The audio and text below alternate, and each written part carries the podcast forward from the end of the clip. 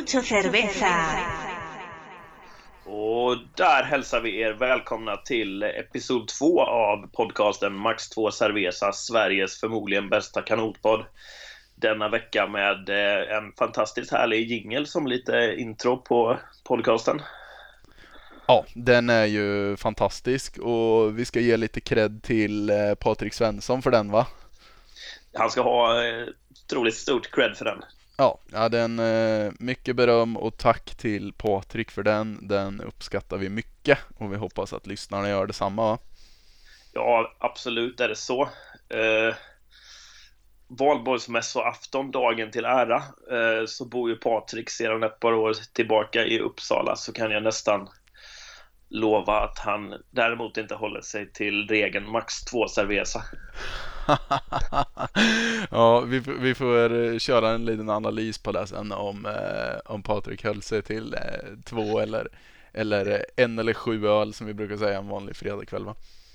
Ja, precis, precis. Ja. Men eh, vad kul det är att vara här igen och eh, spela in ett avsnitt på som sagt eh, högtidsdag idag. Jag såg på eh, lokaltrafiken hemma så har de flaggat med lite eh, Sverigeflaggor och grejer på bussarna och det är ju trevligt. Jag tänkte, jag varit där jag varit lite förvånad när jag såg de där flaggorna och tänkte vad fan, eh, vet de om att vi ska spela in avsnitt idag? Men eh, sen så kom det fram via mina kollegor att de flaggade för valborgsmässoafton och inte för att vi skulle spela in ett nytt poddavsnitt. Men, men det, det håller vi som obekräftat tills Transportstyrelsen har sagt något annat, tänker jag. En vacker dag så, så tror jag att man kommer dra upp flaggor, när, att det blir flaggdag när vi har poddinspelning. Ja, ja men jag tänker det, det kommer ju med tiden. Ja. Vad har det hänt sedan sist för egen del? Har du gjort något trevligt under helgen? Ja, men vi har väl nu har vi väl haft det rätt lugnt ett tag. Det är ju faktiskt rätt länge sedan vi spelade in avsnitt ett, trots att det inte är så länge sedan det publicerades. Vi hade ju lite tekniska problem på vägen där, så eh, vi, eh, ja, vi har väl hunnit göra ganska mycket va?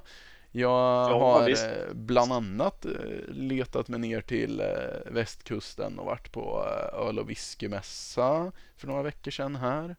Så var det. Har dunkat av lite påskledighet. Väldigt mycket jobb har det blivit.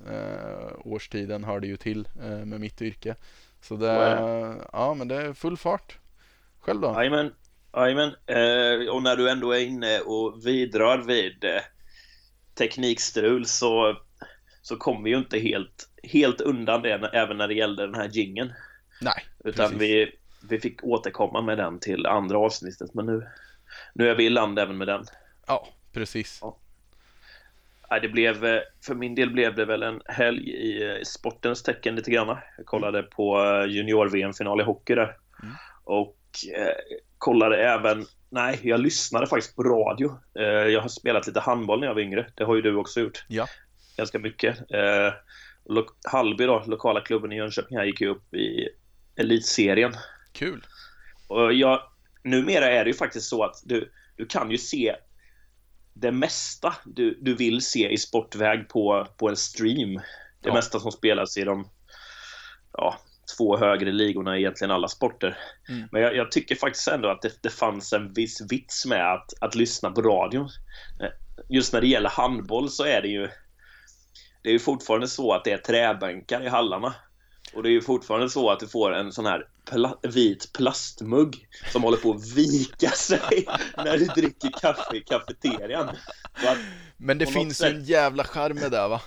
Ja, men det gör ju det. Och just därför tyckte jag att det var lämpligt att, att faktiskt lyssna på radio. Ja, ja men jag att vet det... ju själv hur det är att komma in i en handbollshall där det luktar lite unket i omklädningsrummet. Det är mycket handbollsklister inkletat överallt och det är tjuriga gubbar på läktaren och det är en 20 i entrépeng och som du säger en riktigt dålig pappmugg till ett gammalt bryggt kaffe. Det, det finns en jävla charm i det ändå. Det gör det det gör det. Så det, det var eh, lite, det var en, lite träning för egen del också, men annars en helg i sportens tecken där. Ja, ja men härligt. Ja, men jag har också yes. bockat av lite träning faktiskt. Eh, försöker röra på sig så mycket man eh, hinner med.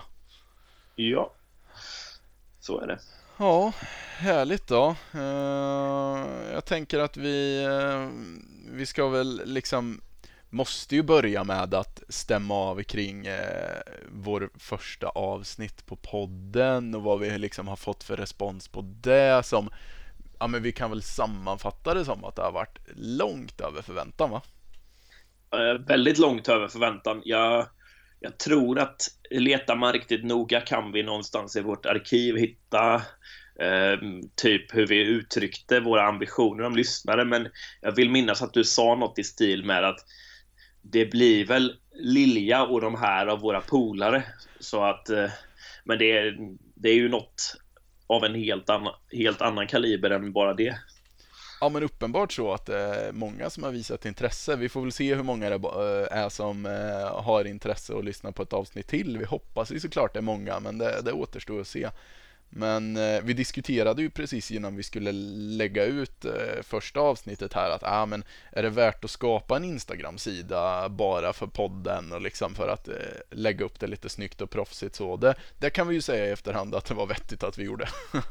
ja, verkligen, verkligen. Den har fyllt sitt syfte och det vi har fått, vi har långt över förväntan i antal meddelanden vi har fått skickade till oss. Det är många som har hört av sig och väldigt många positiva inputs, eller i stort sett bara positiva.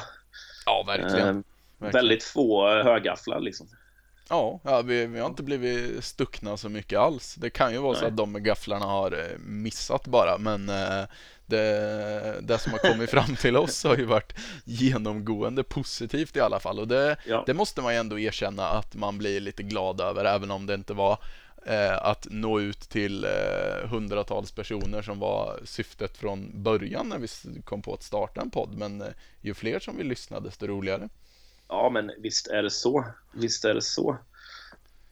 Vad, är det någon liksom lite respons här vi, vi ska spåna vidare på lite mer ingående tycker jag ju vore lite spännande. Jag tycker vi måste nästan ta den bästa responsen med en gång här vi, vi har ju fått ett... Eh, vi, vi tolkar det ju som en direkt inbjudan till att eh, köra livepodd på Aktersnurren 2019. Vilket såklart innebär att det blir av Aktersnurren 2019. Ja, det, det är ju ett dolt budskap i den där förfrågningen. Ja.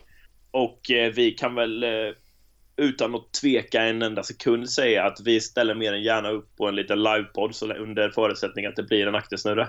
Ja. Det är väl ja, det är väldigt lätt val. Ja, det kan vi ju gå i god för att vi står upp för den och jag tänker en, en podd på aktersnurren där vi sitter och kör lite försnack om gamla anekdoter från tidigare upplagor och kanske en liten eh, avstämning av loppet som då varit. Det, det, kan nog bli succé alltså. Det tror jag. Det tror jag absolut. Ja. Så eh, vi, vi tackar ja till den inbjudan och ser fram emot det. Ja, och vi, som sagt, vi, vi tolkar det ju bara på ett sätt att helt enkelt aktersnurren blir av. Ja, då har vi det, då vet vi det. Ja, men exakt. Det, vi väljer att tolka det så helt enkelt. Ja. så krita in det i kalendrarna, även om det inte finns något datum.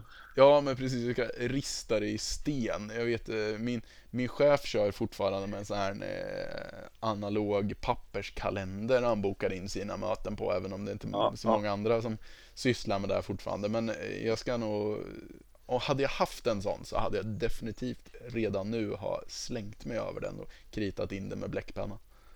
Ja. Mm. Ja, men det är riktigt eh, kul och det, det ger oss ju helt klart ny energi att podda vidare.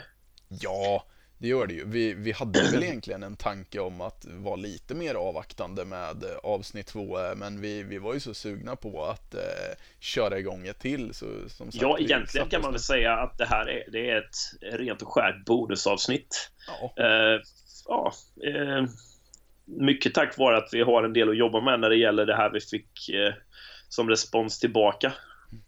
Och då kunde vi lägga till ett antal andra ämnen som vi kommer få höra idag då. Mm, precis, precis. Det, det, blir lite fokus på det idag. Så får ja. vi se bara hur, hur lång tid det tar alltihop. Så vi kan väl eh, traska vidare. Jag höll på att säga questions and answers som någon halvtrött influencer. Men det, riktigt så riktigt så är det väl kanske inte, men... eh, Jag kom direkt att tänka på typ eh, en videoblogg på Youtube med Bianca In- Ingrosso med en Q&A eller vad fan de kallar det. Q&A.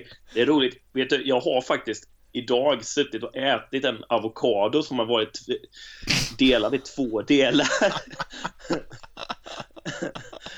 Det känner jag är samklang.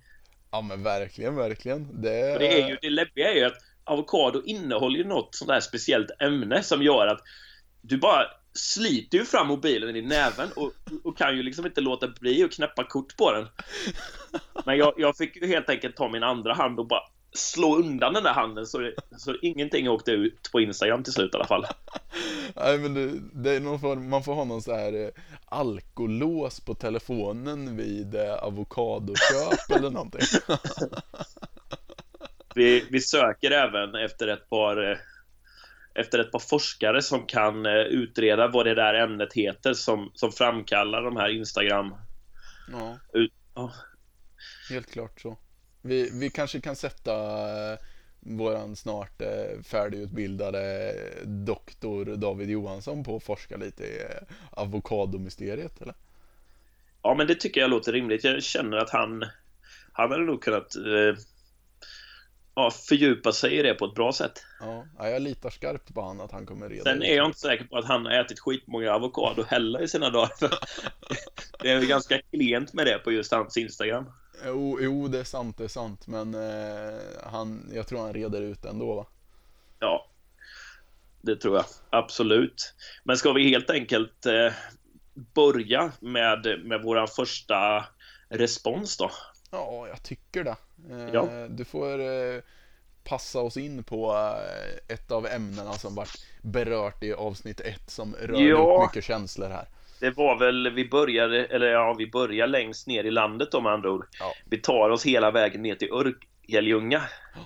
Precis. Och vi, vi diskuterar ju lite kring eh, höstregattan som kommer gå i Örkelljunga då. Den här, ja, kanotarenan som har legat, som har varit borta ett par år då. Ja, den har väl någonstans bara stått och förmultnat på något vis. Men eh, av, eh, nu kommer jag inte ihåg vad det. Det var något användarnamn på Instagram som hette typ Västkusten Foto eller något sånt där kanske. Ja, eh, Som släppte bomben här då för oss att det är... Eh, Det är muddrat. Ja, exakt. Vi tackar eh, hjärtligt för den informationen och tycker det är kul att han har tagit sig igenom ett, ja, men eh, ett helt avsnitt och dessutom passat på att bemöta det. Ja, det, det tackar vi mycket för. Men, men Ja. vad, tycker, vad tycker du om eh, informationen då? Nej, men det, det är ju helt klart så att, eh, att det är ett positivt besked. Ja. Eh, det är helt, helt plötsligt så, så stiger ju arenan som sådan en aning i, i aktning. Det gör den och är, och är ju... Ja, det, man är ju av med det största problemet. Precis. Kan vi till och med få eh, Marcus Oskarsson att anmäla sig på en eh, höstregatta när han vet att det går att vinna från ytterbanor igen i Örkelljunga? Det är det det inte ska gå att göra. ja, Vi, vi, det vore upp- någonting. Ja, ja, Ja. eller hur? Det, Om vi ställer upp på livepodd på, eh, på Aktersnurren så kör Marcus Oskarsson K1 på höstretan. Ja, det, det känns låter ju som en rimlig deal va? Och du var ju ganska tydlig där eh, när vi berörde det senast att eh, det var en ganska mild sås när du hörde höstregatta i Örkelljunga. Men om du hastigt bara slänger in näven i Santa Marias Tex-Mex-hylla nu. Vilken, vilken styrka är det på såsen? Ja, alltså, det, det är ju fortfarande någon typ av mild sås, men jag tror att det varit något fabriksfel så de kastade i lite sambal olek i den på något vis ändå. Ja, ja. Eh, Så eh, Jag jag tror att den lite. Ja men, ja men precis, jag tror att den där långa resan ner och hem är ju fortfarande fruktansvärt mild Men nu kanske det i alla fall sticker till i gommen när man är på plats liksom Ja, Så, eh, ja men plus till Örkelljunga får vi väl Ja. ändå ge dem va? snyggt jobbat och Ja, bra informerat. ja men precis Kan det bli lite hemmaskrällar på höstregattan då kanske när ingen annan har varit och vidrört deras sjö på många, många år? Exakt. Folk, eh, när folk fortfarande försöker jaga de här eh, banorna längst in. Ja. Och så får de chocken att man har ingenting att vinna på det längre. Nej, det, det kan ju bli en riktig dealbreaker det där. Ja, det, det blir spännande faktiskt. Ja, det blir riktigt kul. Det, det, vi måste ju ändå, nu har vi gett mycket skit i Örkelljunga här, men, men det är ändå kul att, att det kommer lite andra arrangörer än bara Nyköping och Jönköping. Ja, visst är det så att det, det har blivit nästan... Det är ju inte färre tävlingar de Mm. senaste åren, men det är absolut så att det har rullat runt på färre orter än vad som faktiskt var fallet för 15-10 år sedan. Precis, precis. Väldigt mycket Nyköping, väldigt mycket Jönköping, Exakt. väldigt mycket Hofors. Ja. Och Så ju färre gånger vi kan behöva transportera oss till Hofors, desto bättre. Så kommer det fler, fler eh, liksom ambitiösa arrangörer och kan klämma sig in där. Så det tackar vi och tar emot för. Ja. Och ett arrangemang är så mycket mer än, än bara tävlingsplatsen så eh, lös nu en riktigt schysst arrangemang på den här höstretan så mm, då ska vi se att den där eh, tävlingen river lite i gommen. Ja. På tal om schyssta arrangemang så måste vi ju, måste jag bara lyfta den liksom tanken kring boenden. Vi pratar ju lite nu vid sidan av. Det kanske vore något för Örkelljunga att införa att ordna ett riktigt fint hotellboende bara precis utanför eh, anläggningen. Det är alldeles för många eh, arrangörer som hänvisar till gympasalsgolv när det ska tävlas. Det gillar vi ju inte här. Nej, det... Jag tror väl dessutom att när man tävlar i Örkelljunga så tävlar man ju inte direkt i Örkelljunga centrum. Om det nu finns något. Jag tror väl inte att det finns ett sådant va, eller? Nej, fast du är, du är, om det nu fanns ett så är du inte där. Nej, nej, nej. Nej, det, jag tror att det är där skon klämmer lite också. Att eh, man är, man är där det inte nödvändigtvis finns så mycket boenden. Men samtidigt så har, har kommunen lagt en peng på att muddra ur en sjö så kan man väl klämma upp ett Scandic på en tävlingsplats också va? Ja, vi får hoppas på det i alla fall. Ja. Visionen är stor. Det, ja, vi siktar på det. Nog om Örkelljunga. Eh, vi fick ju en del annan respons också. Jajamensan. Eh, jag kan väl kliva in på nästa ämne. Det var ju någonting som vi lyfte. Vi, vi hade ju ett frågetecken kring eh, tennishypen i Brunnsviken. Eh, och eh, den har vi fått lite svar på va? Ja, ehm, det har vi fått, eh, om än inte från de personerna det kanske berörde som mest. Nej, vi har fått lite som anonyma tips från lite olika hörn och vrår. Vi, eh, vi fick någon så här, något så här flaskpost skickad oss, eh, till oss och det, ja, mycket spännande information men vi får inte riktigt släppa vart den kom ifrån alltså. Nej, men eh, vad är det då det rör sig om när det gäller denna inflation av Björn Borg-kläder på Brunnsviken? Ja, alltså den, eh, det ska ju tydligen vara så. Vi har fått lite, informa- lite olika information, vi vet inte riktigt vart den stämmer. Vi har fått en information bara om att det ska finnas en person som hette Stefan någonting va, som skulle ha svaret men sen inte har gett oss svaret, fick vi tips Ja, från. det såg vi i en kommentar där på vår Ja, Instagram. exakt. Där, där kan vi ju lägga över ansvaret på eh, vårt maratonlandslag som, som Och reda försöker ut den bolla biten. vidare. Ja, men precis. Och sen fick vi som sagt ett anonymt eh, flaskpost Tips. eh, här att det skulle handla om att VDn för Björn Borg var det va? Ja, Tydligen skulle Tydligen träna paddlare. där va? Ja. Ja. ja det är... Där ser man. Ja, Men- jag, jag ja. känner ju att här på Finspångs kanotklubb så är det inte jättetätt med VDs, men eh, det, det, är en, kanot är ju inte en Kanske inte VD-kompatibel. kanske i ännu mindre grad för just klädmärken. Ja, jo, absolut. Så det är intressant ändå. Ja, absolut. Eh, Eller så är det bara så att David helt enkelt är väldigt modemedveten. Ja, har, vi, jo. har vi helt uteslutit det? Nej, det har vi inte. Nej. Vi, Vi kan- lever, vi lever fortfarande på den möjligheten. Ja men precis. I vilket fall måste vi ändå ge cred till den personen som har på något vis sålt på alla de här Björn Borg-grejerna. För det är ju en duktig säljare vi har att göra med på något vis.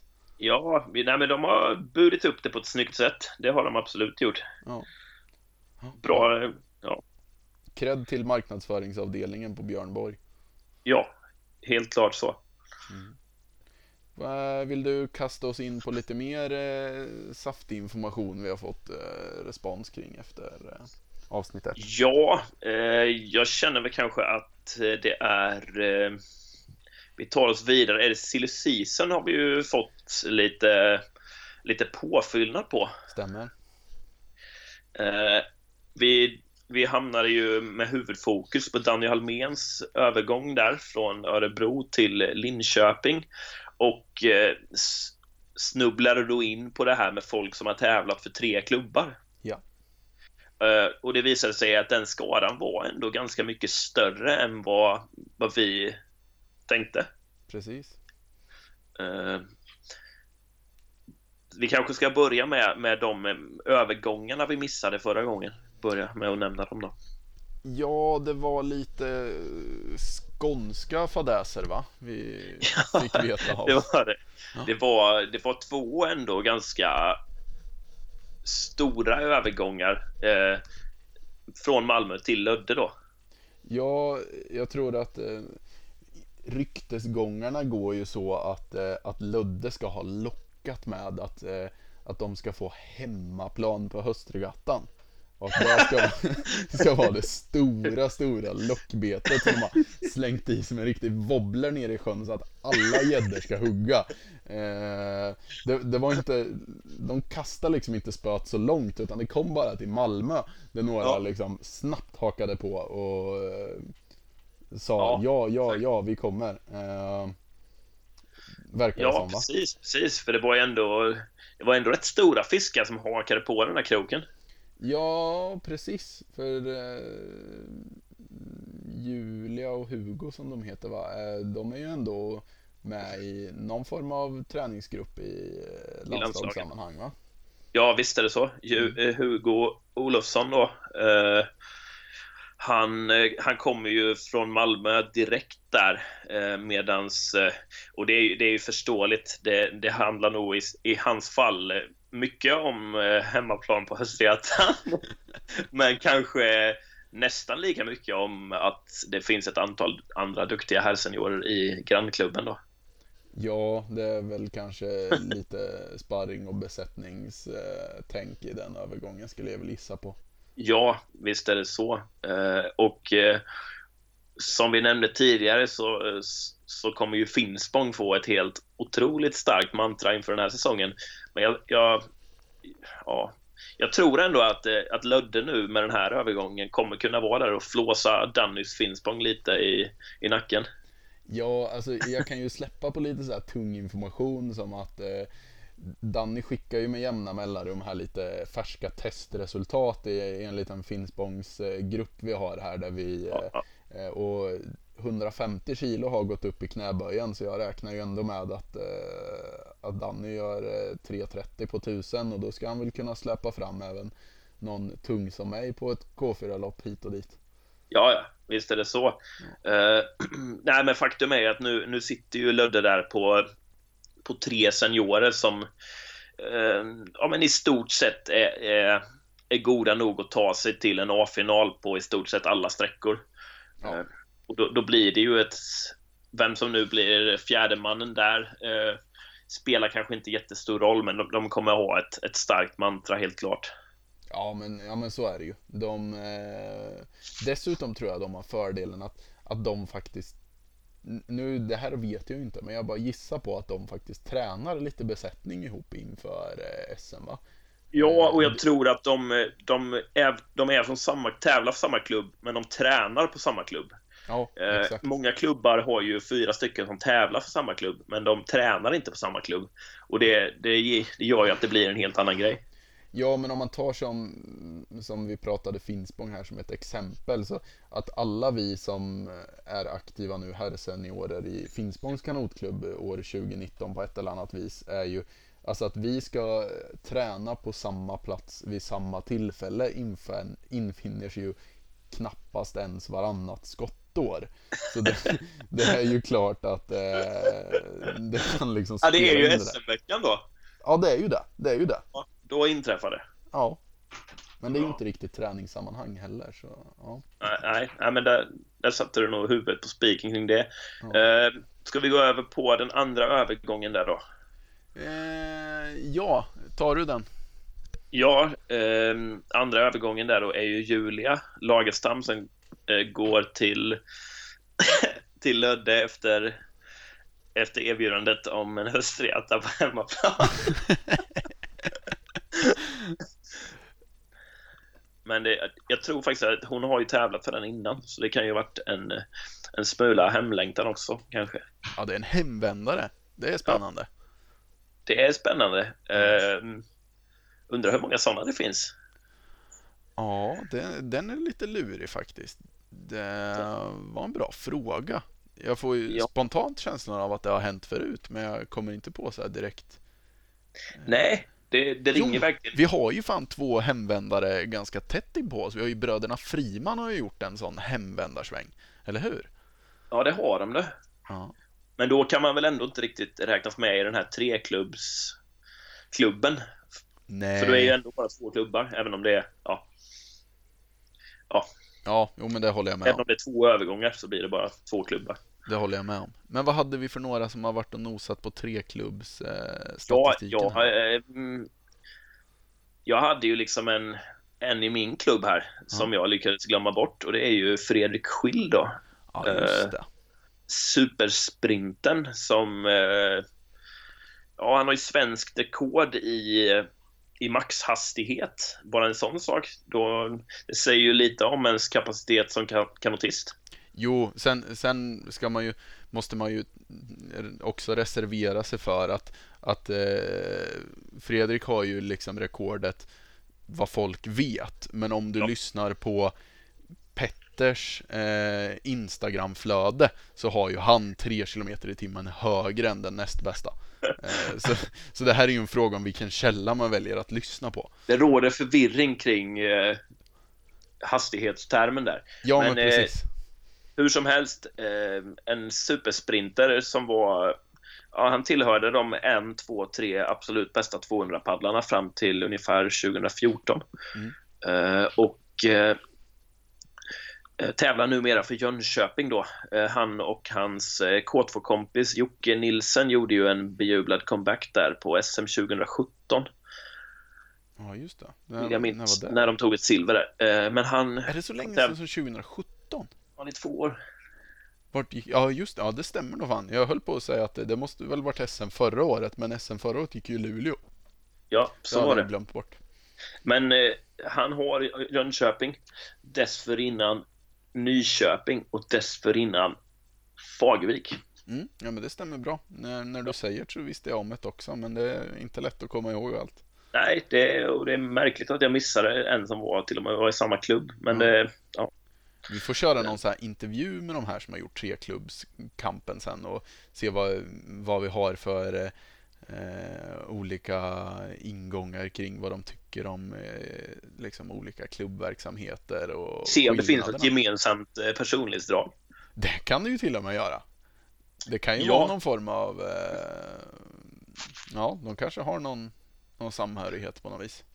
Men sen kommer ju kom det ju en person till som vi hade missat Mm. och som egentligen kommer stänga ner hela den här eh, diskussionen för han fullständigt bara sopar ju banan med allting vad tre klubbar heter åt höger och vänster och ja, det är, det är nämligen så att eh, profilen kanotprofilen Conny Edholm har kört för fyra.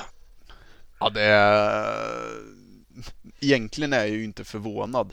Men eh, han, han är ju, jag skulle säga att han är väl en sån som säkert besöker fyra kanotklubbar va, Ja. varje vecka också typ. Så jävla mycket cred till han för eh, hur mycket han reser runt och eh, engagerar sig i kanot alltså. Det är Absolut, absolut.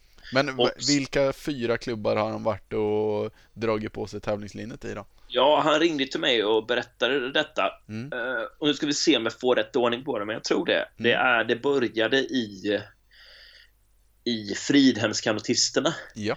Och nu är ju inte jag skitbra på Stockholms geografi, men jag tror att han klev söderut för varje klubbyte. Okej. Ja. Eh, så nästa klubb blev Örnsberg. ja. Nästa klubb blev Södertälje. Mm. Och fjärde klubben där blev ju Nyköping då. Ja. Eh, och eh, i de tre första har han SM-guld. Det är imponerande. Ja, så tävlat för tre klubbar i all ära, men SM-guld för tre klubbar, det är ju något annat. Ja, det är fint är det. Ja, det måste vi- man ge cred för. Och sen kan man ju lägga till hur många klubbar utöver detta har han varit engagerad och tränare i.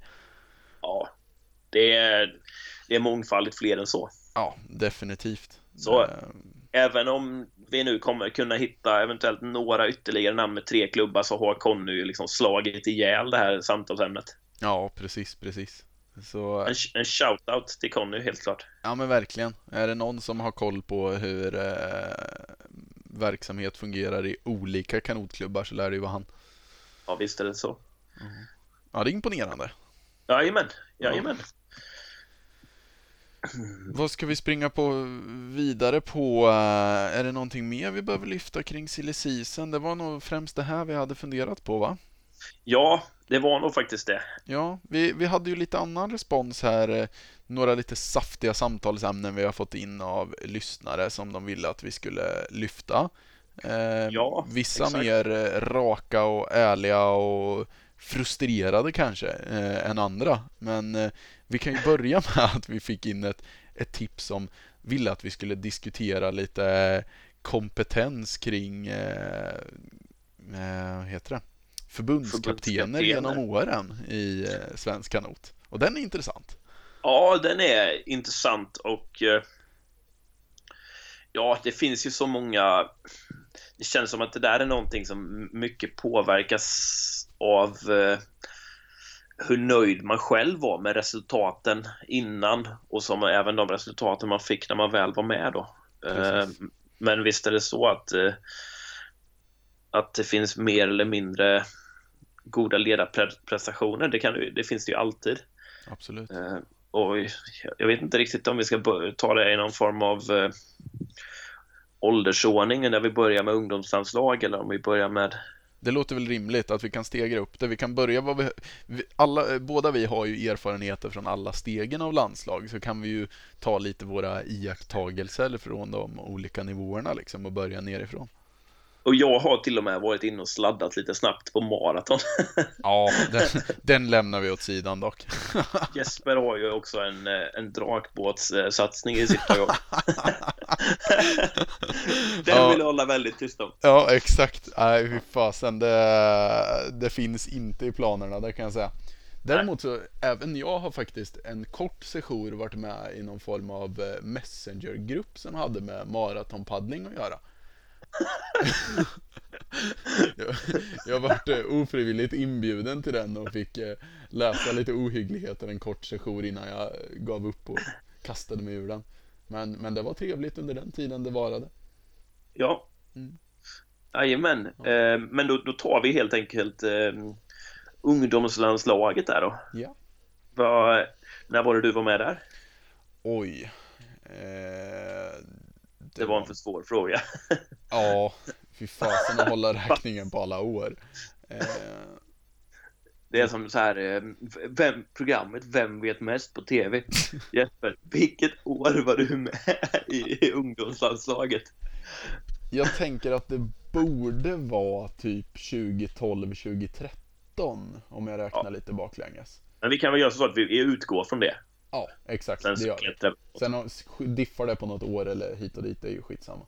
Eh, Men, eh, ja, men då var jag med. Jag har haft eh, lite olika kaptener. Det, var, det började ju med Kurt Lyckner och sen har det varit Hanna Plato och Torbjörn Sandström som jag hade främst då i ungdomslandslaget. Och, Ja, jag hade ju av de tre bara Kurt Lyckner där och jag skulle säga att det, det var en ganska ändamålsenlig ledare får man väl ändå säga. Mm. Ja, det, det är ju den absolut enklaste formen av landslagsverksamhet när det gäller dels det att det är så låg ålder ja. och dels det att det, det, är ju det är ju faktiskt bara tre andra länder du ska möta. Det är ju ett NM. Exakt. Eh, med en ganska stor trupp så, så det krävs ju inte riktigt samma eh, samma seriösa tävlingstänk även om man givetvis gick in för det. Utan det, det krävs mer att hålla samman ett, ett gäng. Ja, alltså mina erfarenheter, jag vet ju själv, när man själv var ungdom och var där uppe i det så hade man ju bara fokus på att man ville göra bra resultat på Nordiska och hit och dit. Och, ja. och jag tycker att alla ledarna jag hade att göra med i ungdomslandslaget var Alltså de gjorde ett bra jobb, jag kan inte säga något annat än. Nej, man, man fick möjligheten att, att, att göra det så bra man, man kunde. Ja. Sen är ju jag av den obekväma åsikten att jag tycker att man eh, bör skrota allt vad ungdomslandslag heter. Eh, kan jag ju bara droppa den bomben, se hur många som reagerar på det. Eh, men eh, jag tycker det, alltså liksom i den åldern man är då så bör allt fokus kring kanot ligga på att tycka det är kul att träna och kul att hänga med sina kompisar och kul att tävla. Det här med nordiska har ju bara skapat någon hets bland ungdomar och kanske framförallt bland deras föräldrar att det ska vara så jäkla tufft att vara med i landslaget redan som en omogen 15-åring för att sätta någon form av status på det och sen ändå åka och få dyngstryk av danskar och bara bli nedsänkt med själv, dåligt självförtroende. Och sen de, ja. för att inte tala om de stackarna som hamnar precis utanför ungdomslandslaget och helt plötsligt börjar tycka det är tråkigt att paddla bara för att de missade en, ett ungdomslandslag som egentligen är rent resultatmässigt så måste man ju kunna vara ärlig och säga att det är totalt meningslöst och oväsentligt vad du har för meriter på ett nordiska som ungdom. Ja, ja. Jag har själv nej, men, nej, men det är som, för med, men det skiter som, man i nu. Som du säger, det faktumet att, eh, att just danskarna är så brutalt eh, mycket starkare generellt sett eh, har nästan ja, det har gjort NM nästan lite problematiskt. Ja, jag tycker att fokuset är helt fel där. Det är, man, som sagt, man tyckte säkert annorlunda själv när man var i den åldern, men ja. eh, jag tror att det, det, skapar mer ont än gott att ha ett ungdomslandslag. Ja, men vi kan väl båda vara ganska överens om att eh, vi tyckte ändå att det var, det var ändamålsenliga eh, ledare eh, i, i ungdoms... Absolut. Landslaget här. Och där är väl nuvarande är ju Conny som vi pratade lite tidigare om är ju kapten där nu, eller hur? Va? Ja, det stämmer. Det stämmer. Och vi får väl förutse att han gör ett gott jobb. Vi har inte hört ja, något annat. Jag har väldigt, väldigt svårt att tänka mig att Conny skulle missa några namn i en, i en resultatlista, för han, han har ju verkligen superpejl på det. Ja, jag tror när det gäller ungdomslandslaget så kommer hans engagemang till, väl till användning. Liksom. Ja, absolut, absolut. Men eh, vill du ge oss lite ingående information kring eh, din upplevelse av juniorlandslaget då? Ja, jag körde ju juniorlandslaget där. Då hade vi ju Laszlo ifrån eh, den lätt avfolkade kanotklubben Malmö. Ja. Numera avfolkare. Uh, och ja, alltså det, det, blev ju lite annorlunda. Helt plötsligt var det en lite yngre förmåga som kom in i bilden eh, med en lite annan approach till det hela när det gällde bara den, den rent kommunikativa och eh, sociala biten. Mm. Och, och det, men när det väl gällde det, det rent eh, träningsmässiga där så hjälpte han ju oss faktiskt att göra ett, eh, ett jätteframsteg på en sommar. Mm. Så, så det, det får jag vara väldigt nöjd med. Mm. Absolut. Hade du han under båda dina år eller? Eh, ja, fast det var ett år som det var lite mer. Eh, jag körde lite mer tävlingar då. Liksom. Ja, just det, En, kul anekdot vi kan lyfta in här nu när vi ändå pratar Laszlo. Så läste jag i någon form av tidningsrubrik här eh, nyligen delad på sociala medier att det varit ett jävla rabalder eh, i Malmö om att man har skjutit någon svan som tydligen ska ha stört eh, kanotisterna på kanotklubben. Och jag såg att Laszlo hade gjort något uttalande om det eh, i tidningen. Jag vet inte om du läste, det var väl fågelskådare Nej. som gick bananas där nere. Kan du tänka dig ja. vilken mardröm? Jag vet inte vad som är värst, ha en hackande svan i nacken när man paddar eller ha skånska fågelskådare efter sig. Ja, alltså ja, vi var ju faktiskt på, på vårläger då i, i just Malmö. Ja. Uh, och det, det var ju inte bara vatten i den där kanalen utan det, det var ju en och annan råtta. Eh, det var mycket riktigt svanar eh, som, ja, svanar som simmade runt egentligen i hela kanalen. Mm. Men jag skulle nog ändå säga att, eh, att de största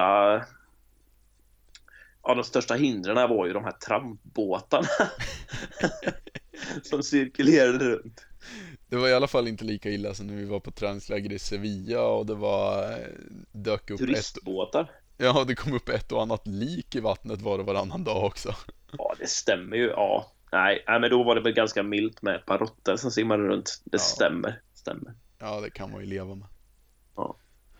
Ja, men eh, ska jag ta lite kort om eh, min tid i juniorlandslaget också så hade jag nu ska jag se så jag inte säger fel. Första året hade jag ju Peter Ask som kapten. Just det. Eh, och andra året hade jag nog också Peter va? Jag måste... Ja, jag, jag gissar på det. Ja, men det stämmer nog. Jag hade han gånger två. Jag tror det. Ja, jo, men det måste jo, men det, det, stämmer. Och det är väl... Eh, alltså, jag gillar Peter, så det har jag inget ont att säga om alls faktiskt. Det, alltså, du hade möjlighet att, att, att prestera. Ja, ja men det tycker jag. Ja, jag sen, Peter vart väl inte så långvarigt där. Jag vet att beröm till Peter var att han försökte ju verkligen göra verksamheten väldigt seriös, vet jag. Han, han ville verkligen trycka på att det liksom skulle bli bättre, vi skulle få bättre förutsättningar. Men, men det är ju inget snack om när det gäller sådana här... Han ville lägga läger i Hofors. vi var faktiskt i Västervik på läger då. Ja, okay. Eh, och det, ja, men det var rätt trevligt faktiskt måste jag säga. Men, uh, ja, men det var inte riktigt lika trevligt som Hotell Bergsmannen. Nej, det, alltså, det, det, går ju inte riktigt att komma upp i den nivån. Uh, och, ja, men just där, det, man tappar ju känslan på läger när man inte behöver ha en machete för att komma ner till, till bryggan. Nej, nej precis, precis nej, man, man tappar lite, lite gnista där. Det ska ju vara helt klart så att det ger en adrenalinkick att, att få kämpa sig fram. Ja, jo men så är det ju verkligen. Men eh, ja, nej men eh, som sagt, jag, jag kan, har inte så mycket att säga om, om juniorlandslagstiden där mer än att jag, jag var nöjd med den.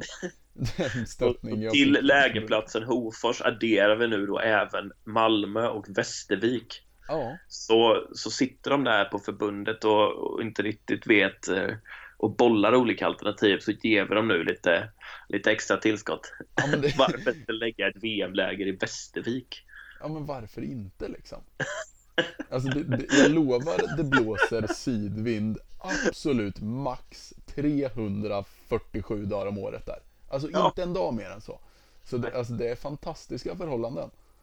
Ja. Vem kan tacka nej till det? Nej, nej men bra att då är helt plötsligt eh, möjligheterna ännu större. Ja. Jag tror att om Anders Karlsson sitter och lyssnar på det här så sitter han redan inne på hotels.com och letar eh, hotell i Västervik. Jag tror att han lägger eh, pannan i ganska djupa veck och inte, inte kan välja mellan Hofors och Västervik.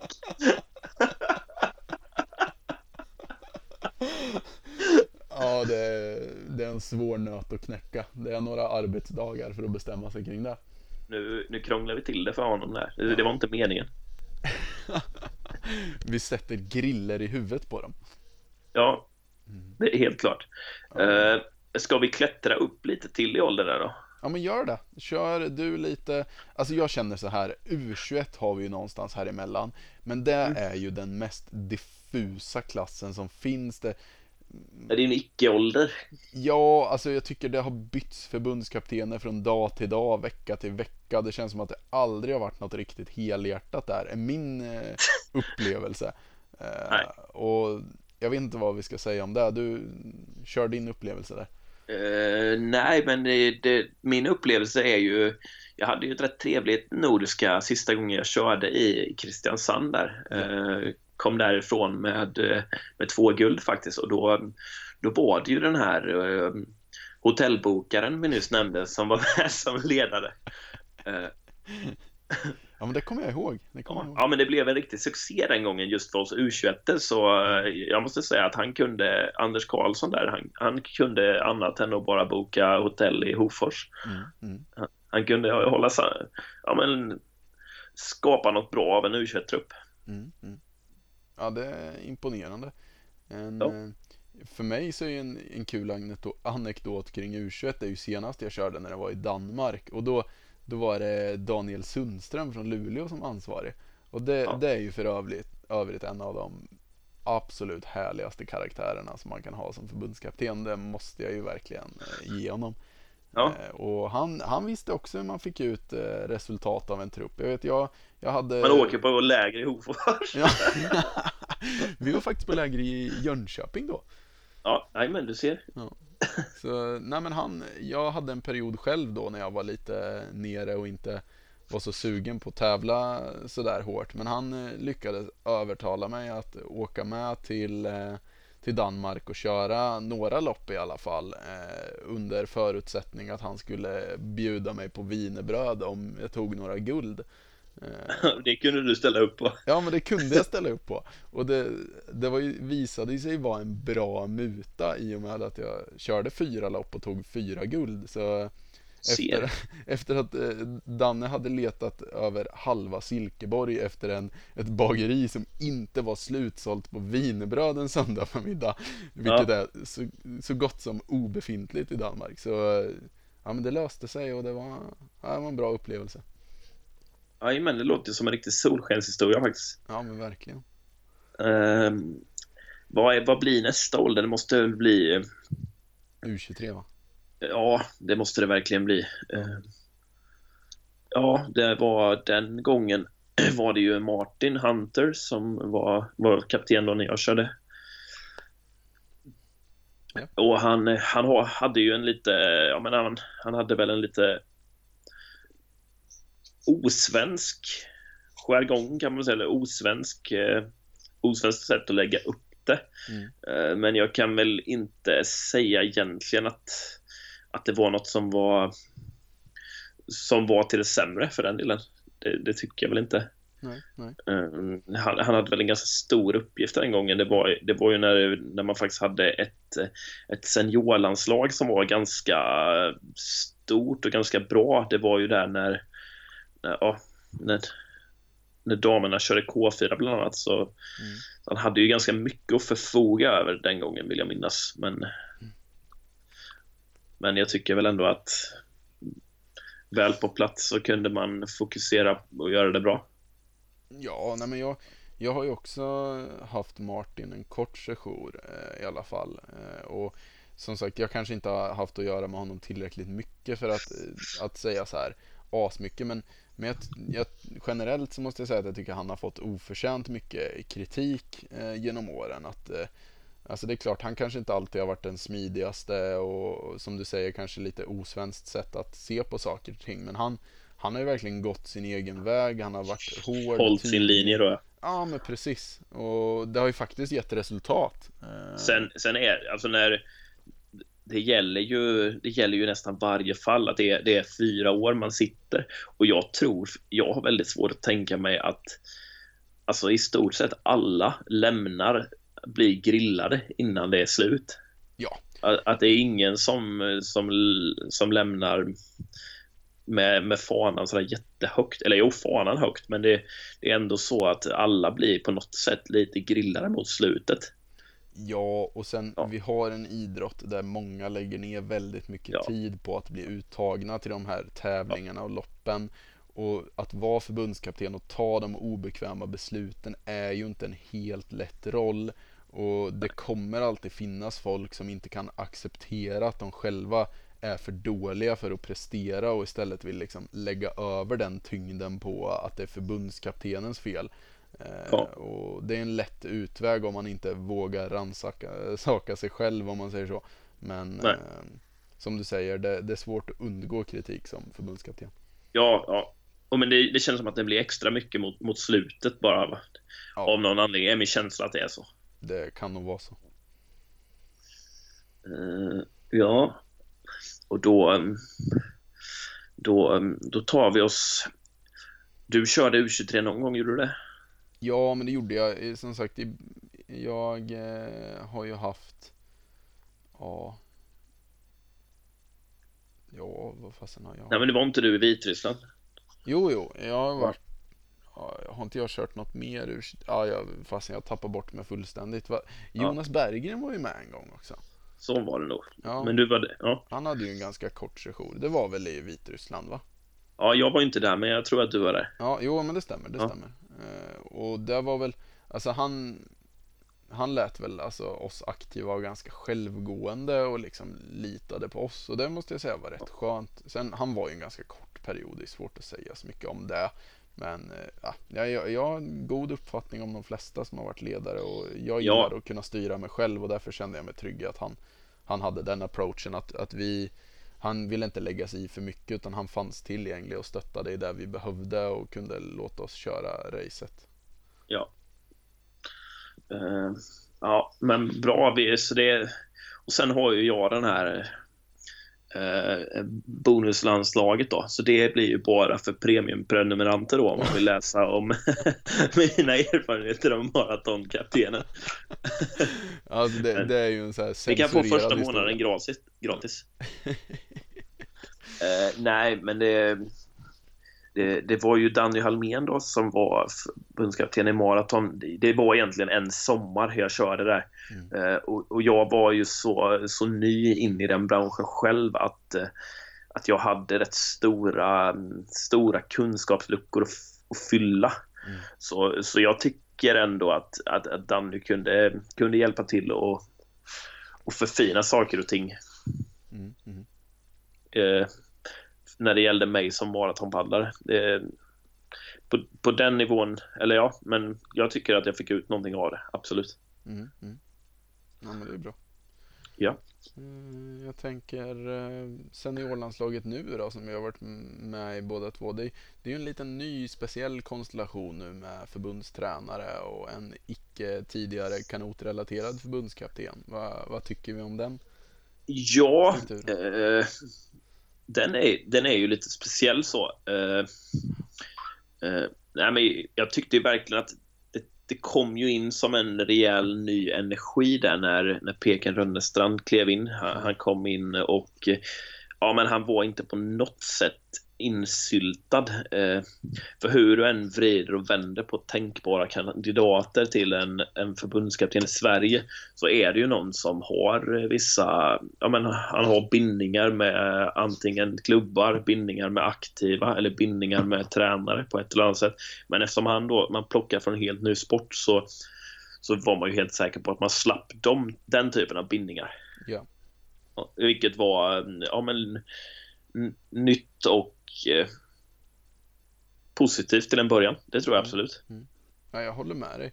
Det, det var en fräsch kick in i svensk kanot att, eh, att få till det. Sen så har han väl tyvärr haft lite mycket emot sig. Att det har varit lite oklart. Det har varit förbundstränare som inte riktigt har blivit som det tänkt. Det var väl någon Nej, som fick det har- jobbet att hoppa av och det är någon som har bytt Tyvärr har det varit många turer, många, många personer i omlopp på Ja. dem. Och i och med att han inte har något eh, han har ju det yttersta ansvaret för att ta ut men inte det yttersta ansvaret för det rent kanotmässiga. Det gör ju att det ställs ganska höga krav på de här förbundstränartjänsterna som rådgivare till honom. Precis. Eh, och är det då eh, väldigt turbulent kring vilka personer det är så, så försvårar det ju hans uppgift. Ja men definitivt. Och sen är det nog lite samma sak här att han, han har nog fått eh, säkert ta en del kritik också. Att, men, men någonstans, jag gillar den landslagsledningen som är och jag tror att eh, liksom kritik kring landslagsledningen så bör nog det är nog snarare ofta de aktiva som måste se sig själva i ögonen och kolla liksom har vi gjort tillräckligt för att få chansen att prestera här istället för att kritisera ja. landslagsledningen. Eh, för, för någonstans kritiken som hamnar på landslagsledningen handlar ju det handlar ju nio gånger av tio om uttagningar. Ja men så är det, så är det. Och det, det är det han ja, men som är hans största grej. Absolut. Så, det, så visst är det, det, det är lätt att få mycket kritik. Det är en ganska otacksam uppgift så. Precis. Men eh, ja, men jag känner väl att vi eh, vi har berört den här förbundskaptensbiten. Ja, alltså vi har ju haft ganska, eh, vi har haft många olika typer av av, av folk så, men ja, men vi har svårt att se att, att det var där saker och ting har fallerat. Utan ja, att, precis. Ja. Vi diskuterade ju lite det här innan vi satte igång avsnittet här, den här punkten vi fick in från en lyssnare som ville att vi skulle diskutera. Och det kändes ju som att eh, jargongen från den som skickade in handlade lite mer att de, de ville att vi skulle ge kritik kanske. Men eh, vi kom väl ganska snabbt fram till att även om det finns brister Ja men det gör det, år, det kommer alltid finnas Ja men precis, ja. Men, men vi tyckte ju ändå att vi snarare ville försvara dem lite och kanske se att problemen ligger på andra ställen ja, att brister har det, det har det nog funnits egentligen med var och en, men att, mm. eh, att det kanske inte har varit den, den största källan till till att det inte har funkat, utan det är, är det saker som inte har funkat så är, så är det andra saker som är större poster, större problem. Precis, precis. Ja. Nästa fråga vi, vi fick in här också som de ville att vi skulle diskutera var ju lite det här duktiga besättningspaddlare kontra K1-paddlare. Alltså liksom, kan man vara grym i besättning men inte få ut det i K1? Är det en myt? Är det sant? Finns det liksom, vad har vi för tankar mm. kring sånt där? där? Där tror jag att det är så sjukt delat faktiskt. Jag tror att det finns nog, om man skulle det finns nog en ganska stor grupp som är helt övertygade om att det finns de här som är besättningsgudar. Mm. Och sen tror jag att det finns en ganska stor grupp som tror väldigt hårt på att allting handlar om eh, ja, men hur, vad som är att ha två så bra, två eller fyra så bra K1-paddlar som möjligt. Mm. Jag skulle nog vilja säga att min infallsvinkel är en tredje. Mm. Att det handlar om att man ska hitta folk som passar tillsammans. Mm. I lite större utsträckning än att jaga någon som, som är... Och givetvis är det så att eh, om man nu har hittat två, om vi säger att du och jag passar jättebra tillsammans i, i K2, mm. så underlättar det ju om min nivå är så hög som möjligt och att din nivå är så hög som möjligt. Absolut, absolut. Vad säger du? Jo, men jag är väl inne lite på samma spår där, att det finns inget direkt facit att, att det finns grymma besättningspaddlare som är sämre i K1 eller att det alltid är de bästa K1-paddlarna som bygger en besättning, utan två aspekter som jag vill spela in i det mycket handlar ju om teknik och sen mentalt. Den ja. mentala aspekten är ju intressant för jag tror att det finns personer som kan lyfta sig i besättning av anledning att de kanske är för nervösa när allt hänger på dem själva i ett K1-perspektiv. Och när de då har, eh, har eh, andra saker att tänka på så släpper då de här hjärnspökena lite grann. Ja, exakt. Det, det tror jag i alla fall. Det kanske den inte är det vanligaste, jag, den kan jag, köpa. finns. Den kan jag köpa att den finns, helt klart. Ja. Sen tror jag att det finns aspekter kring det tekniska som du behöver ha i besättning för att få ja. den att gå bra framåt med ett visst klipp, en viss teknik med lite kortare ja. drag kanske. Ja, vi behöver inte gå in i detalj på vad som är tekniskt som behövs, men jag tror att det, det finns en viss teknik som är gynnsam att ha i besättningspaddling och det finns nog ja. många ganska duktiga K1-paddlare som, som liksom får sin egen kanot att gå fort, men mm. som kanske inte besitter tekniska Nej. färdigheterna för att få ut maximalt i en besättning. Eh, Men som kanske hade gjort det om de hade kört med någon som, som hade en, en liknande teknik. Kanske, absolut. Ja, kanske så. Men... Absolut, och det där tycker jag är en intressant fråga för där tycker jag Sverige ligger lite efter många andra länder kring besättningspaddling på att tittar du på många andra nationaliteter så kan du se att du nästan har ett, om du kollar på ett landslag så har du en genomgående teknik eh, alltså grund i deras sätt att paddla som du kan känna igen att du ser liksom, ah, han är från Spanien eller han är från. Ungern eller vad det kan vara.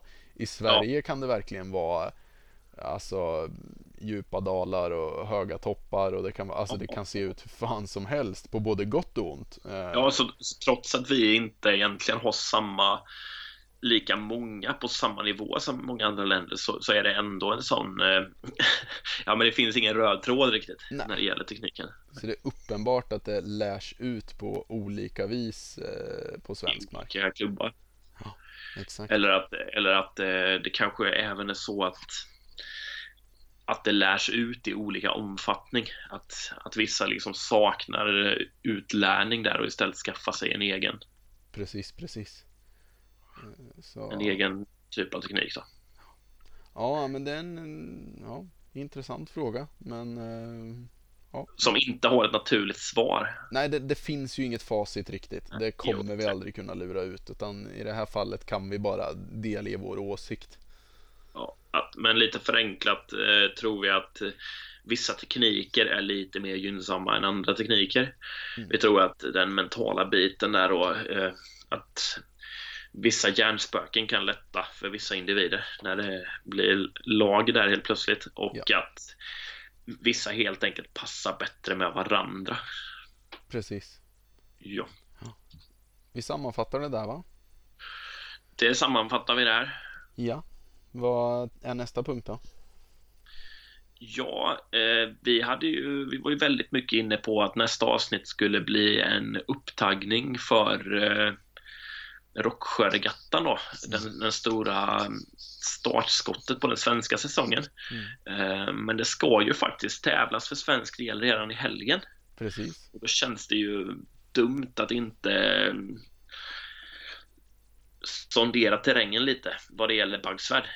Precis, och där, eh, nu droppade du, det är alltså Backsvärd, vad säger de, Köpenhamn. Eh, Copenhagen Springregatta. Springregatta, ja stämmer. Vi, vi, hade, vi hade ju planer på att vi skulle försöka, på, eh, försöka oss på det riktiga danska uttalandet på det här namnet. Men eftersom ingen av oss besitter en stabil vinterkräksjuka för tillfället så kunde vi inte få till dialekten rätt. Så därför kör Nej. vi bara liksom clean and ja. simple, svenska, engelska.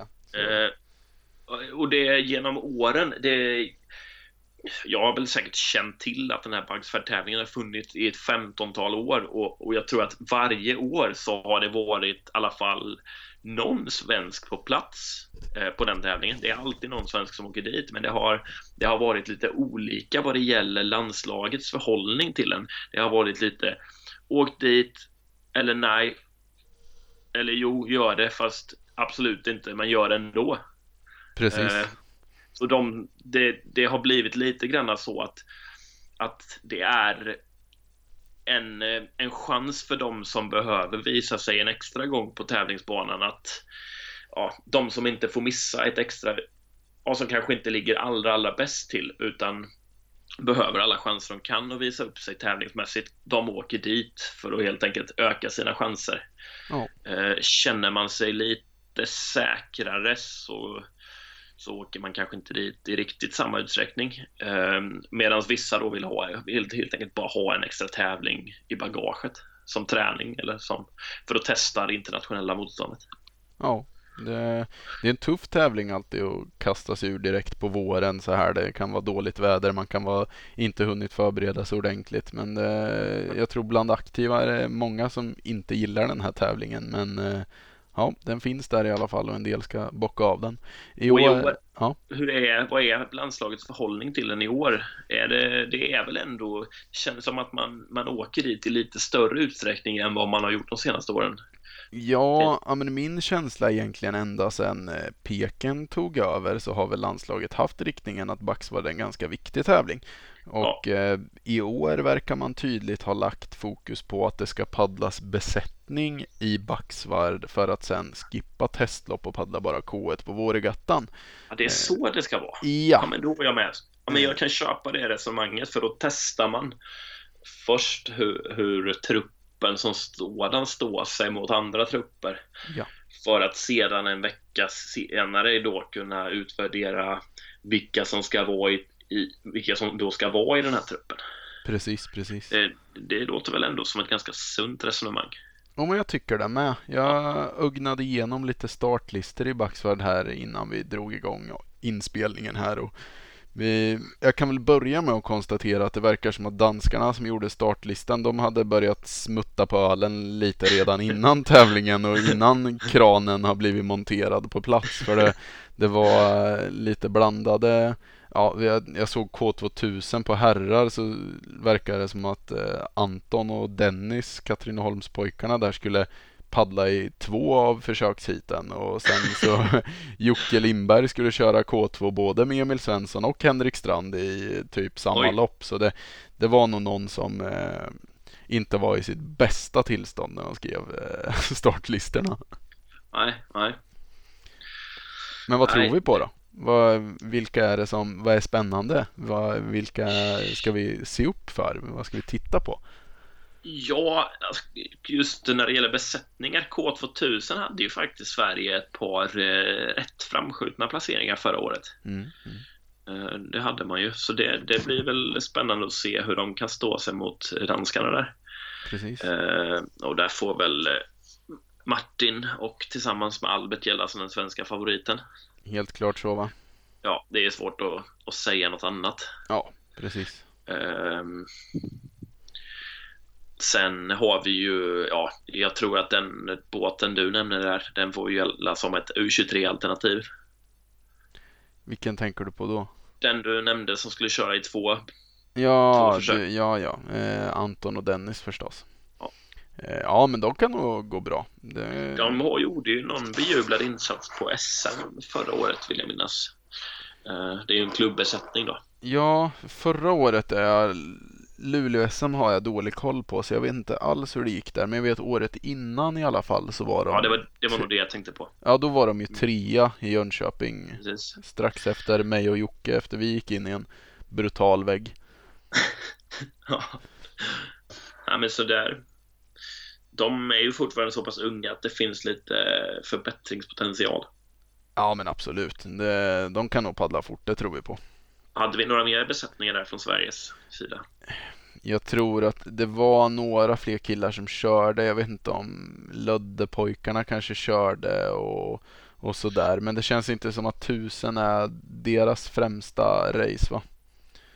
Nej, det, det kan nog stämma. Eh, utan eh, det var väl även en K, ett par K2 200 anmält där.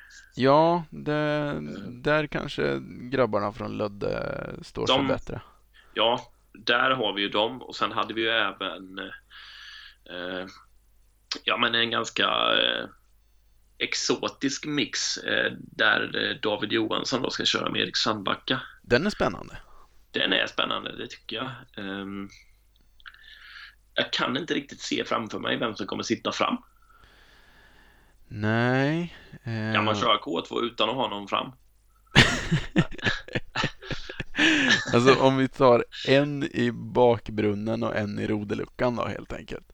Ja, nej men eh, men den den är väl ja, är det den svenska favoriten ändå? Ja, men det får det väl absolut vara. Det måste vi ja. säga. Eh, det... Tillsammans då med Ludde-besättningen där. Mm. Ja, ja, men så, så länge inte Danny och Johannes har tänkt åka ner till Backsvärd så får vi helt klart se Davve och Erik som favoriter det kan ju vara så, är det så att, eh, att förbundet är lite rädda för att deras eh, besättning ska på stryk? Att det är därför man inte kör några testhopp i Sverige? Jag... Var att Dan och Johannes i så fall skulle riskera att slå ut den svenska landslagstruppen.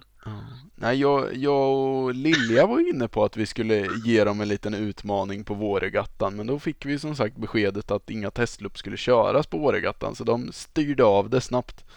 Ja. De hörde det ryktesvägen där. Ja, det kanske var det. Det stormade in utmanare från eh, Finspång. Ja, precis. Då får man akta sig. ja, men uh, Vad hade vi, någon, vad hade vi på damsidan där? Ehm, Det var väl, eh, ja de är väl ett gäng tjejer som kör men det är väl främst Moa och Melina som är Melina, spännande att se va? det är det ju, helt klart. Se hur det går för dem. Ja, men det är, det är en vidare arbetning på förra årets VM-besättning där då. Ja men precis, precis. Så, ja det blir spännande att följa vad som hänt under vintern där och sen var det väl Ja, det där är väl K4 de som ska jag- köras med va? Ja, just det. Det är K4. Det är ju både dam och herr där. Mm. Eh, Då har de ju den här eh, lite mer uttalade första båten. Mm. På herrsidan i alla fall. Mm. Eh, Och då är, har vi, där är ju David och Erik med. Mm. Och sen är det Theodor Orban där och eh, Henrik Strand va? Mm. Ja. Den blir spännande men- att se. Vem, vad har de för utmanare?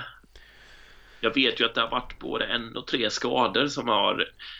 Det var ju ett par ganska fasta konstellationer redan i höstas. Mm. Men rätt många skador har kommit in där. Så jag tror att första båten där är intakt. Men sen är det justeringar.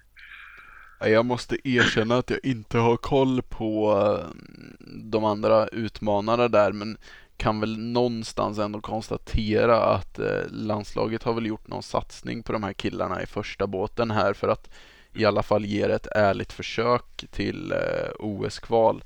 Och då Ja, eh, ja. kan vi väl sammanfatta det som att eh, ska den båten närma sig de resultaten att eh, kvala in till ett OS så bör man väl backa hem vinsten i backsvarv va? Ja, man, man bör ju absolut vara den snabbaste svenska och eh, ja, det är, absolut rimligt att man åker och testar in det nordiska motståndet till en början för jag, ja, det ska man ju reda ut om. Det Mm. kommer inte bli lättare när man tar sig utanför Norden. Nej, nej men för, för dem kan det nog vara bra för det, det är intressant. Ja. Vi pratar ju som sagt lite tävlingar och motstånd och så här. Jag tycker ju generellt att eh, åka på sådana här internationella tävlingar inte har gett supermycket när man paddlar K1 utan när man paddlar K1 har man eh, bara velat liksom fokusera på sitt eget och eh, alltså liksom träna sin egen grej. Men när man Ja. kör besättning så kan det ju ge så jävla mycket att få eh, lopperfarenhet ihop. Att man kan liksom, du kan ligga på ett träningsläger i Portugal, Florida eller vad det nu är och nöta mil och timmar och pass ihop. Men sen när du står där på en världscup eller ett mästerskap och ska paddla ett K4 eller K2-lopp så, så gör man någonting helt annorlunda helt plötsligt. Och därför tror jag att eh, internationell tävlingserfarenhet är Ja, det är nog då. suveränt. Det är nog suveränt. Ja. Ja. När det gäller besättning så Ja, då då- då-. Då tror vi att det är en rätt satsning. Rätt satsning åka till Bagsvärd. Ja, det är Ja. helt rätt så. Ja, så... mm, Ja, men intressant. Vi, vi, kommer ju, vi kommer se till att uppdatera oss eh, så gott det går med resultaten därifrån. Ja, vi, vi har väl inte någon eh, utsänd reporter den här gången. Men eh, Nej, det har vi inte, men eh, ambitionen finns om att ha det i framtiden. Ja, absolut, absolut. Vi, på Vårregattan kan vi ju utannonsera att vi kommer vara på plats va? Ja, visst är det så. Jag kommer ju faktiskt ta, mm, ta speakerpositionen där. Mm. Eh, det ska bli riktigt roligt Ja. att göra det. Ja, men det Mm. förstår jag. Man sitter ju schysst där i tornet på, eh, på Rocksjön. Ja, Det finns absolut. ingenting att klaga på där. Nej, det är ju, det är ju verkligen gräddhyllan alltså. Ja, men så är det. det är,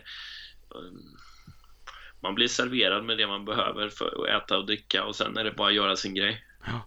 Så, så jag hoppas, liksom de aktiva på Liksom att de aktiva ska leverera så hoppas jag på att kunna leverera på topp. Det tror vi skarpt på va? Ja, Ja men snyggt då.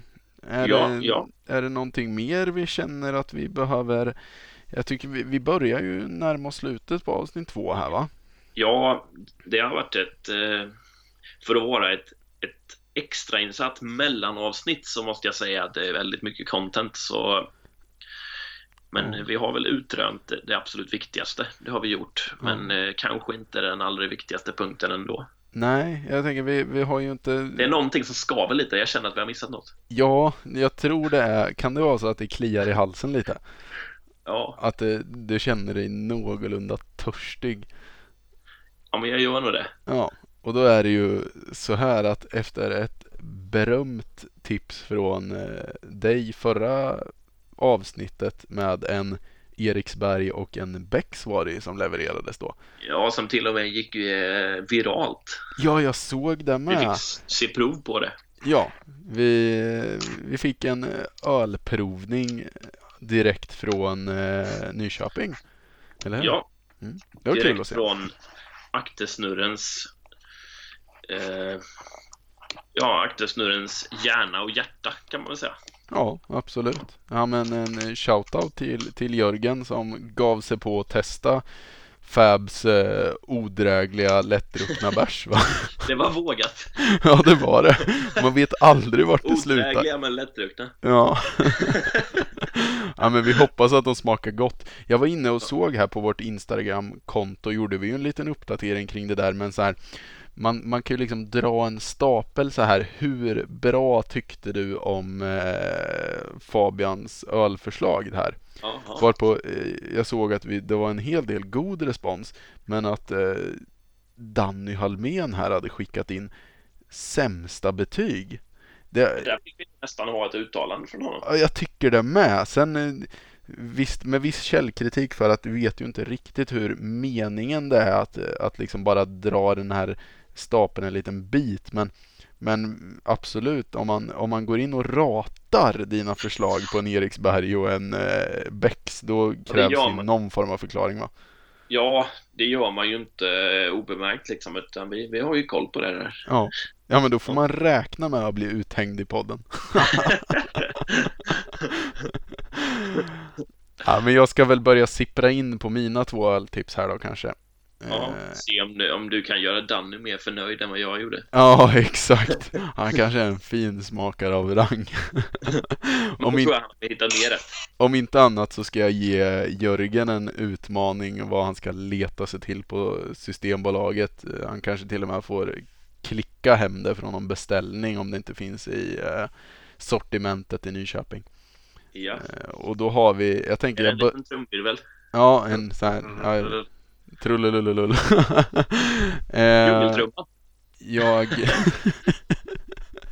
Jag virvlar in på djungeltrumman här. är den stämd idag? Djungeltrumman är alltid stämd när det gäller mig. Den står ju tokredo. Ja, alltså, ja. Skicka grejer på mig så trummar jag. Ja. Du vet att jag är redo. Vi börjar då med en av mina favoritöl faktiskt som är från bryggeriet Sankt Eriks med en, den heter så mycket som Citra Pale Ale.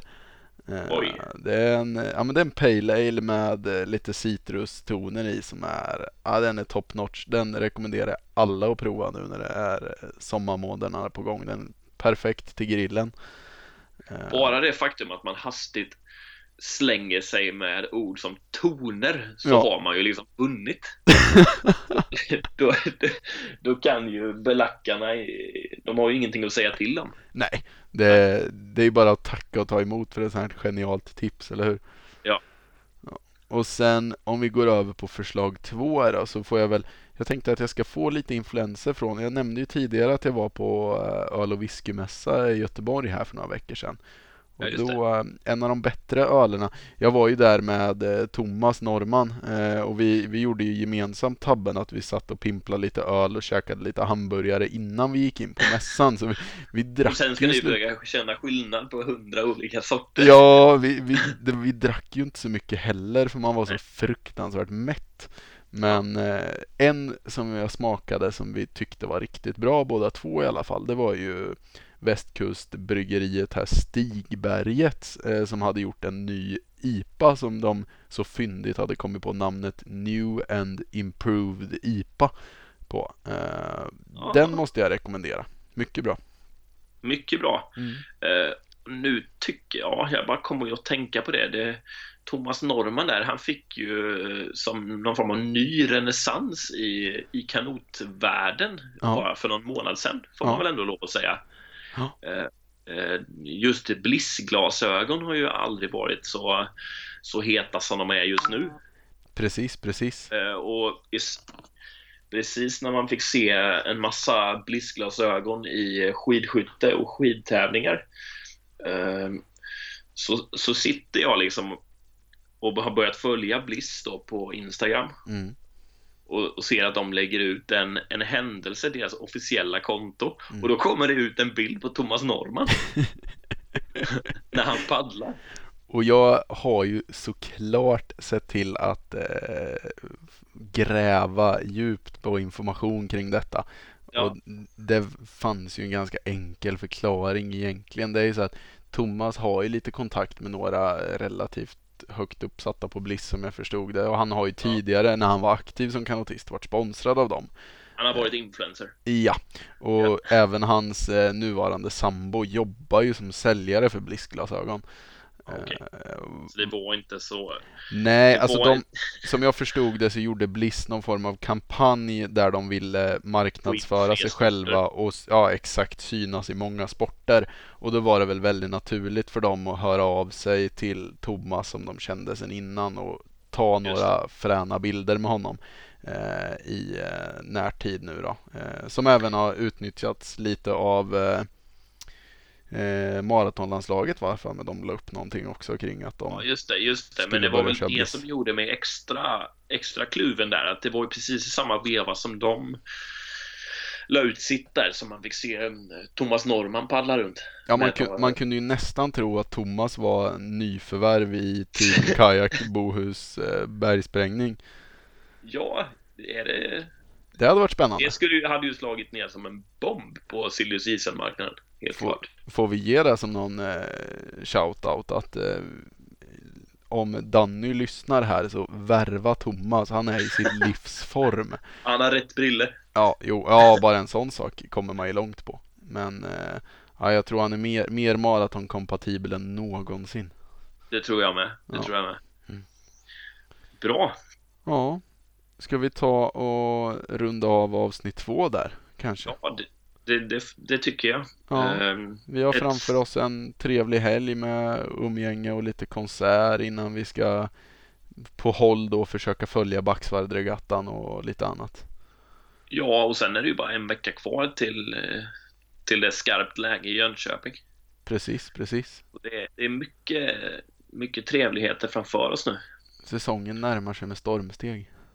Ja, ja. kul. Härligt.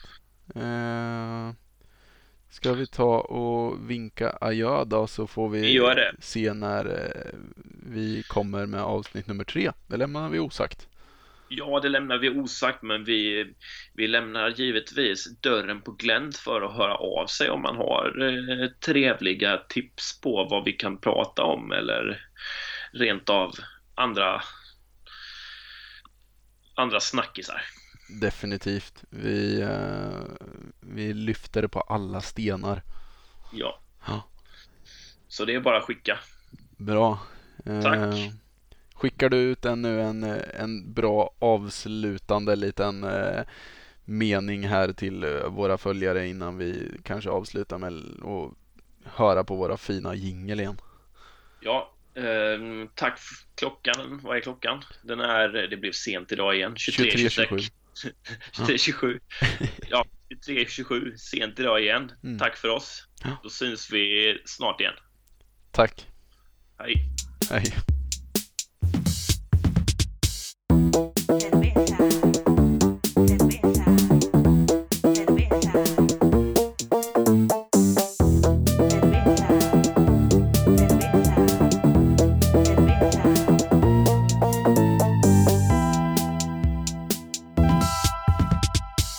Yo mucho cerveza.